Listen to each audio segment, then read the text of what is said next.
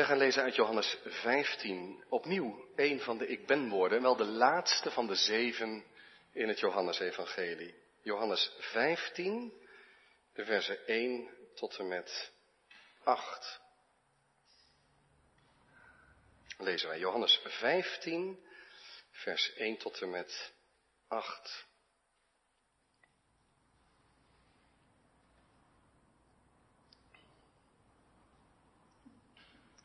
En dan lezen we het evangelie als volgt. Het zijn woorden van de Heer Jezus. Ik ben de ware wijnstok. En mijn vader is de wijngaardenier.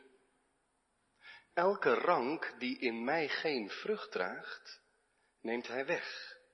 En elke rank die vrucht draagt, reinigt hij, opdat hij meer vrucht draagt.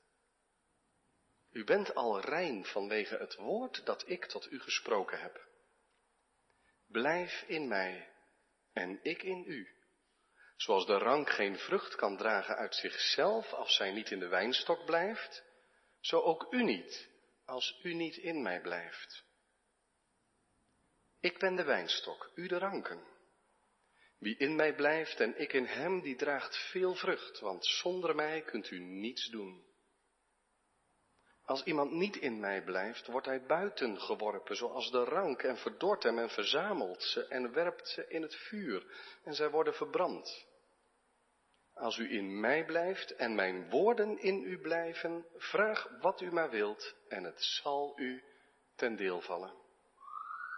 Hierin wordt mijn Vader verheerlijkt, dat u veel vrucht draagt en mijn discipelen bent. Tot zover lezen we Gods woord voor deze dienst. Zalig zijn zij die het woord van de Heere onze God horen en geloven en daaruit leven. Amen. Tekst voor de preek is Johannes 15, het gedeelte zoals we dat gelezen hebben, vers 1 tot 8, met als kerntekst vers 1, ik ben de ware wijnstok en mijn vader is de wijngaardenier. Gemeente van onze Heer Jezus Christus, hier en u weet ook thuis, wie van jullie heeft een wijnstok in de tuin staan of op het balkon of waar? Eén, twee, dat is al mooi. Een wijnstok. Ja, ontdekt? Right. Het is heel aardig. Ik uh, kende een wijnstok niet zo goed totdat ik predikant werd in Utrecht. Daar hadden we er een uh, eigenlijk, ja, die stond zo'n zo stronk. Bij de achterdeur hadden we een overkappingje. En daar was die precies naast geplaatst. De tegels zo, zodat hij veel water opving. En die, die liep dus best wel een dorre bast eigenlijk. Hè? Je denkt, er zit niet veel leven in, maar pas op. En die vertakte zich precies onder de overkapping waar we wel eens zaten. Dus dan, ja, dan ga je vanzelf knippen enzovoorts. En ik moet zeggen, degene die we nu hebben, daarachter in de tuin, die is toch wat verwilderd. Die, die, die, die denkt met smart terug aan de dagen Groeneveld hier in de tuin. Want toen ging het met de wijnstok een stuk beter. Die is wat verwilderd. Maar de takken die jullie hier zitten, die heb ik er zojuist even afgeknipt. Nou, dan zie je dat het inderdaad niet heel veel soeps is. Want een wijnstok heeft aandacht nodig en deze heeft een beetje last van aandachtsgebrek. Die bruine bast, die ziet er ja wat wat droog uit, maar op het moment dat je daar de zaag in zit, is het echt gedaan. Het was dat ene punt in de grond, de wijnstok, en die vertakt zich en die kan zich over grote afstanden vertakken. Die kun je omleiden en uiteindelijk als je die ranken niet snoeit, maar je wordt een hoofdrank, die wordt, wordt ook donkerbruin en als je dan terugsnoeit, dan komt elk jaar daar die groene ranken uit, waar dan de vruchten aangroeien. En als je dan snoeide, en wij zaten dan in Utrecht, was dat daar echt onder, dan kon je echt de druppels in je nek krijgen. Dan denk je, wat gaat er toch veel vocht door zo'n wijnstok heen? Dat zie je niet, maar die levenssappen, die gaan van de wijnstok naar de ranken en uiteindelijk als je afvraagt, waar komt er al dat sap in die druiven vandaan? Nou, dat gaat allemaal daar doorheen. Allemaal die sappen die uit de grond genomen worden, omgezet, uiteindelijk in heerlijke druivensap. Dat is zo'n wonder. Dat iemand eens zei, ach als de Heer Jezus in Cana water in wijn verandert, dan doet hij niks anders dan wat hij altijd doet. Hij doet het alleen iets sneller. En dat vond ik van een mooie gedachte. Dat is ook zo. Dat geweldige wonder van zo'n wijnstok die groeit en dan vruchten geeft.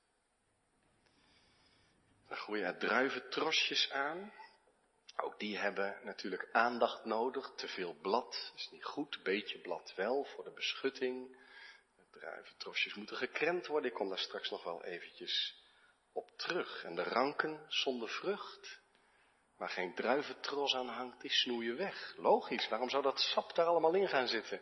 Het brengt niks voort, die snoeien weg. En dit is een van die ranken waar je echt geen druif aan zult ontdekken. Vruchteloze. Jezus vergelijkt zichzelf met zo'n wijnstok. Hij zegt, ik ben de ware wijnstok. En jullie zijn de ranken. Dus hij zegt niet, het is een heel bekend beeld voor veel van ons, denk ik. Je zou zeggen, ja, maar hij had ook kunnen zeggen, jullie zijn de druiventrossen. Jullie zijn de vrucht van mijn werk. Dat had natuurlijk gekund, maar dat zegt hij niet. Hij zegt, jullie zijn de ranken en het is de bedoeling dat jullie vrucht voortbrengen. En de reflex, en dat komt straks in de preek wel terug, de reflex is dan dat wij dan heel sterk geneigd zijn om te kijken, hoe kunnen we vrucht voortbrengen? Hoe zitten die druiventrosjes in elkaar? Welke druiven groeien er allemaal aan? Maar de focus van deze gelijkenis van Jezus is niet hoe zien die druiventrossen eruit. Er is maar één ding van het allergrootste belang voor die rank. Het is niet dat hij naar zijn druiven kijkt, dus dat hij in de wijnstok is. En natuurlijk kijk je ook naar druiven, want Jezus zegt ook, als je nou geen vrucht voortbrengt, dat is een ernstige waarschuwing. Maar toch, de nadruk valt op Jezus, die de ware wijnstok is. En alleen als je aan Hem verbonden bent, in Hem blijft, zo zullen we vrucht dragen. Jezus, de ware wijnstok. Nu, waarom stelt de Heer Jezus dat aan de orde? We zijn hier bij het laatste ik ben woord, laatste van de zeven in Johannes 15, in Johannes 14 tot en met 16, 17 erbij, zijn afscheidswoorden van de Heer Jezus, gesproken vlak voor zijn lijden en sterven, waarin de Heer Jezus niet alleen onderwijs geeft, maar ook zijn leerlingen heel bewust voorbereidt op zijn vertrek, zijn afscheid. Ja, niet helemaal, want ik ga u niet als wezen achterlaten, ik ga de troosten tot u zenden. In mijn geest ben ik in jullie midden. Maar je kunt je voorstellen dat de leerlingen dan denken, enerzijds heel ontmoedigd, hoe moet het verder, want Jezus is er niet. En anderzijds, ja, we zien het niet zitten, omdat ja, hij was altijd bij ons en straks moeten we het zelf doen. Dus Jezus heeft zijn werk gedaan, wat hij voor ons heeft gedaan, dat is klaar, voorbij. En nu is het aan ons de roeping en de taak om zijn werk op aarde voort te zetten. En dat is niet juist. Dat zou een grote vergissing zijn. En dat zet de Heer Jezus wat ware recht met dit beeld. Hij zegt, je zult nog steeds met mij verbonden zijn. En alleen dan komt het goed, want zonder mij kun je niets doen. Dus als de gedachte ooit boven komt, Jezus heeft veel voor ons gedaan en nu moeten wij, dan komt het niet goed. Alleen als je in mij blijft, dan zul je vrucht voortbrengen. En dan zegt Jezus, ik ben de ware wijnstok. En ik heb me afgevraagd, waarom zegt hij dat zo? Het is niet gewoon een gelijkenis vergelijkbaar maar met een wijnstok. Hij zegt, ik ben de ware wijnstok. Waarom? Ik denk dat het hiermee te maken heeft. Als je terugbladert in de Bijbel naar het Oude Testament, kom je die wijnstok ook meerdere keren tegen. Psalm 80, Jesaja 12 geloof ik. Nu wel verschillende hoofdstukken, niet 12, andere. Maar hoe dan ook, Israël wordt vergeleken met een wijnstok. De Heer zegt, ik heb die geplant en verzorgd als een goede wijngaardenier. En ik heb gewacht totdat er vrucht aan zou groeien. Maar wat viel dat tegen? En eigenlijk, Jezaja werkt dat beeld vrij uitgebreid uit, maar het is eigenlijk de samenvatting van het Oude Testament. Dat God door het volk Israël heen zijn naam bekend maakt op deze wereld. En hij geeft daarvoor de beste geboden. En hij geeft daarvoor priesters om God te leren kennen en met hem om te gaan. En hij geeft koningen om het volk in de wegen van de Here te leiden. En hij geeft profeten om terug te roepen als ze van de weg afgaan en Gods wil naar de bekend te maken. En wat is er allemaal niet aan die wijnstok gedaan? Maar heeft het nou veel mogen baten? Heeft de Heer niet keer op keer moeten concluderen? Het is vergeefs. Het is vruchteloos. Er is van mijn volk niet zoveel te verwachten. Eigenlijk is de geschiedenis van het Oude Testament, hoe mooi ook, een teleurstellende geschiedenis van een God die alles geeft. En een volk die soms met de beste bedoelingen zegt, Heer, we zullen u dienen, we zullen echt u dienen, dat zijn we van plan. En vroeg of laat ging het altijd weer mis. Maar dan komt de Heer Jezus. En in het Oude Testament wordt het al gezegd dat God zegt, ik ga een nieuw begin maken. Maar nu, ja, je zou kunnen zeggen, zegt de Heer, ik doe dat wel met inschakeling van mensen, maar ik hou het in mijn eigen hand. Ik doe het echt zelf. Ik ga mijn zoon zenden. En straks zend ik mijn geest uit en die zal in hun binnenste zijn. Dan zullen ze me kennen. Ik ga zelf voor de vrucht zorg dragen. Daarom zegt de Heer Jezus, ik ben de ware wijnstok. Nee, het kon met Israël niet, het lukte met Israël niet, maar ik ben de echte, de ware wijnstok. En als je in mij blijft, dan zal het goed gaan. Want God, de wijngaardenier, zorgt ervoor dat er vrucht komt. De wijnstok, Jezus staat daarvoor garant. Daarom valt in dit gedeelte, in deze, zou je kunnen zeggen, gelijkenis, alle nadruk op het blijven in Hem.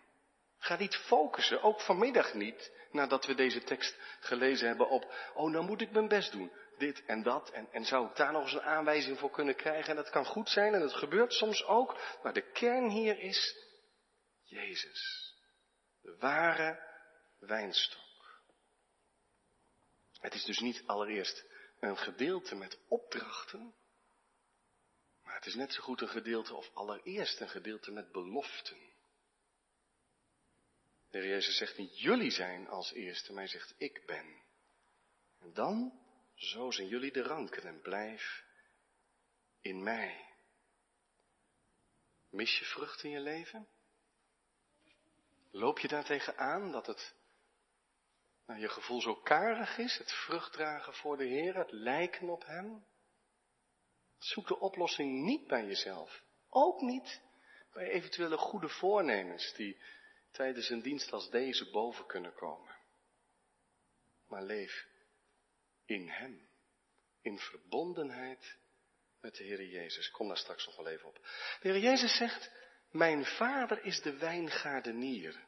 Oh, wat is de band tussen Jezus en zijn vader toch sterk. De vader en de zoon. De vader zorgt voor de vrucht door de Heer Jezus Christus heen.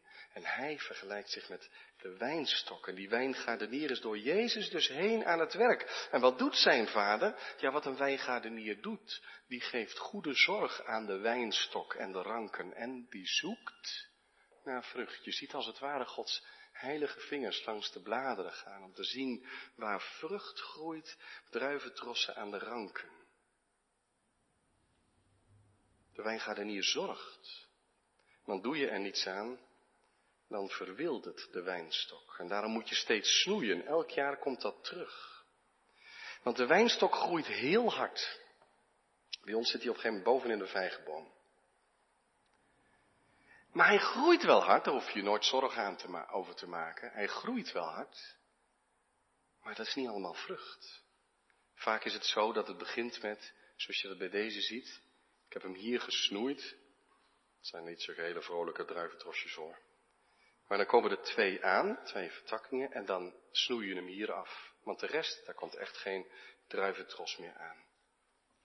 Maar als je er niks aan doet, dan groeit hij zo de deur uit maar zonder druiventros. En dat vraagt dan al die sappen. Dus wat doe je? Snoeien, bijhouden, want het gaat om die druiven, niet om de bladeren. Nu moet ik zeggen, wij hebben in het vorige huis waar we woonden en in dit huis buren die daar net iets anders over denken, want die komen om wijnbladeren vragen om dolma te maken. Misschien kent u het gerecht. Nou, wij doen dat niet. Ik had uh, al die bladeren, die gaan maar aan de kant, we doen er niks mee. En dat is in deze dit beeld eigenlijk ook zo, hè, dat die bladeren die stellen niks voor. Nee, het gaat om de vrucht. Om de druiven, sappige druiven waar je druivensap of wijn of van alles nog wat van kan maken. Of gewoon druiven eten. Dus het blad is goed voor de beschutting, maar niet te veel. De ranken moeten niet te lang na de tros afsnijden, zodat het sap naar de druiven gaat. En ranken die geen vrucht dragen, die gaan eraf, want waar dienen ze voor? En dat beeld vertaalt Jezus door. Ze kennen dat allemaal. Als je een rank losmaakt van de wijnstok, dan is de vrolijkheid er heel snel af. De blaadjes na een uur beginnen echt te gaan liggen. Het leeft niet meer. Het verdort. Vers 6 zelfs als iemand in mij niet blijft, wordt hij buiten geworpen. Zoals je dat doet met een rank. En dat verdort. En op een gegeven moment worden ze op een hoop gegooid, men verzamelt ze, men werpt ze in het vuur, ze worden verbrand. Ja, wij stoppen het in de groencontainer.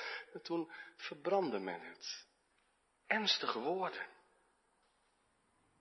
Nee, je moet vrucht dragen. Door in hem te blijven, want zonder Jezus kun je niets doen. Als je niet verbonden bent met de Heer Jezus, dan kun je nog zoveel je voornemen en je best doen, maar uiteindelijk doe je het niet beter dan het volk Israël in het Oude Testament. Echt niet. Want het zit niet in ons. Het is een heel kleinmakend beeld eigenlijk. De Heer Jezus zegt, zo gauw je ook maar los bent van mij, dan red je het niet, want het zit niet in je. Je hebt het leven niet in jezelf. Ook niet als de Heer ons met zijn Heilige Geest levend maakt, dan betekent dat levend maken dat je verbonden bent aan de Heer Jezus Christus. En hier zegt hij, je moet aan mij verbonden zijn, want het komt niet uit jezelf voort. Wees met Christus verbonden. Door het geloof.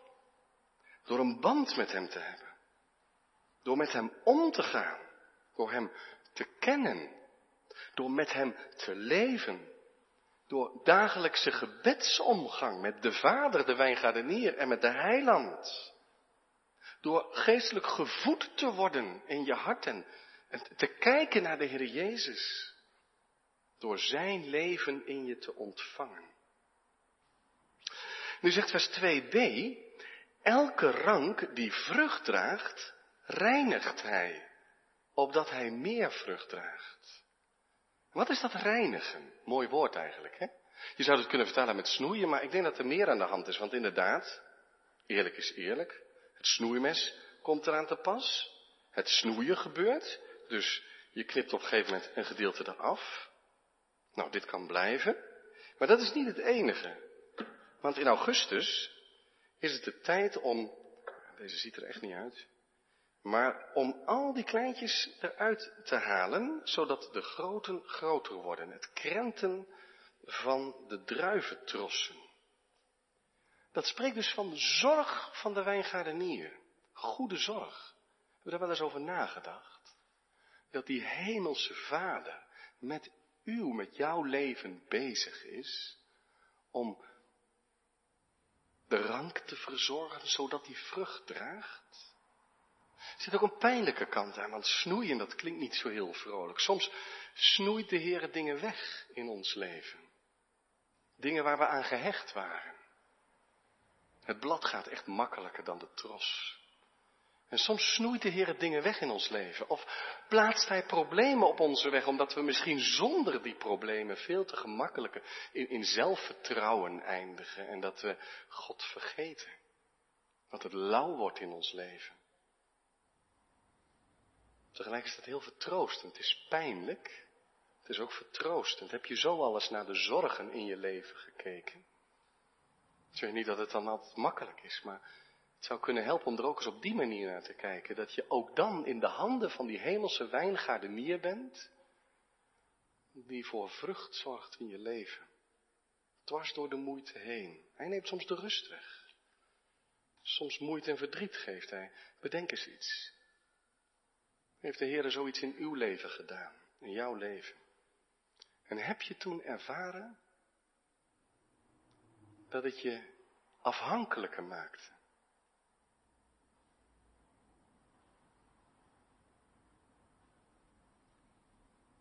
Misschien iemand in je leven die je heel veel moeite geeft. Opdat hij de vrucht van geduld zou oefenen de omstandigheden van rust verstoort, zodat je in Hem zou wortelen en meer de rust van de heiland zou zoeken. Vul eens in. En als dat gebeurt, wat zou dan je gebed kunnen zijn? Is juist niet de focus van de verbinding met Hem ook niet de weg tot het gebed, Heren? Geef dat u zichtbaar wordt in mijn leven. Dat ik op de Heer Jezus mag lijken. Ernstige woorden spreekt de Heer Jezus over de rank die geen vrucht voortbrengt.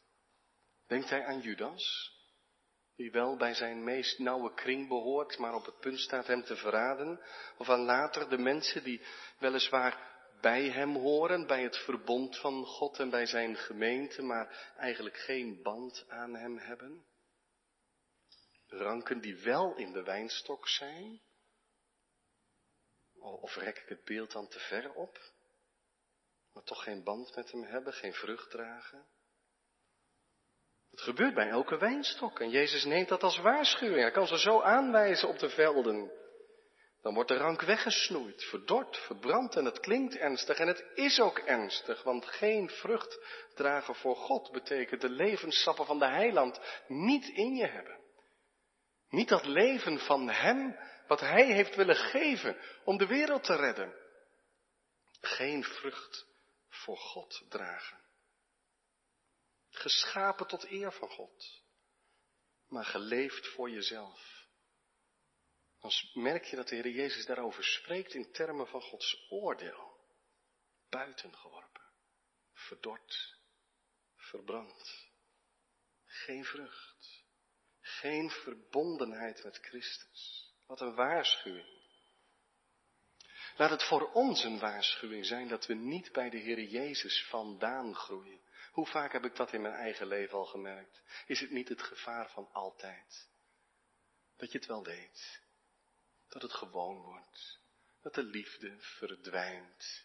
De omgang met de Heer minder wordt. De liefde verkeelt, het verlangen verdwijnt. De vrucht is er niet. Je gaat op de automatische piloot verder. Nee, Jezus zegt met klem, zonder mij kun je niets doen. Wat moeten we doen? Naar de Heer Jezus toe. Hem weer zoeken. Met zijn woorden bezig zijn, zoals hij ook zelf zegt, hè, want dat hele reinigingsproces begint al volgens vers 3. Je bent al rein vanwege het woord dat ik tot u gesproken heb. En in vers 7 komt dat nog eens terug. Als u in mij blijft, dan blijven mijn woorden in u. Dat is de weg die de ware wijnstok ons wijst. Blijf bij de woorden van de Heer Jezus, opdat je Hem mag kennen. Dus, let op, als je nu vanmiddag zegt, ik moet iets met die preek, heel hard mijn best doen om dan toch maar vruchten voor te brengen, dan dreigt het gevaar dat je jezelf een goede wijnstok vindt. Nee, wees alleen maar rank. Een zijtak. Alleen maar verbonden met die wijnstok die je draagt en voedt. In hem blijven. En dat zijn woorden in je blijven. Terug naar Jezus. Dicht bij hem. Daarom zie je in deze, dit gedeelte in vers 4 die kenachtige woorden staan. Blijf in mij en ik in u, wederkerig aan elkaar verbonden. En dan zegt vers 7 daar nog bij, dan krijg je waar je om bidt. Want als je in hem blijft, dan bid je, Heere, laat mijn vrucht dragen voor u. En de Heere zegt echt, dat gebed zal verhoord worden. Dat is de garantie van dit hele gedeelte.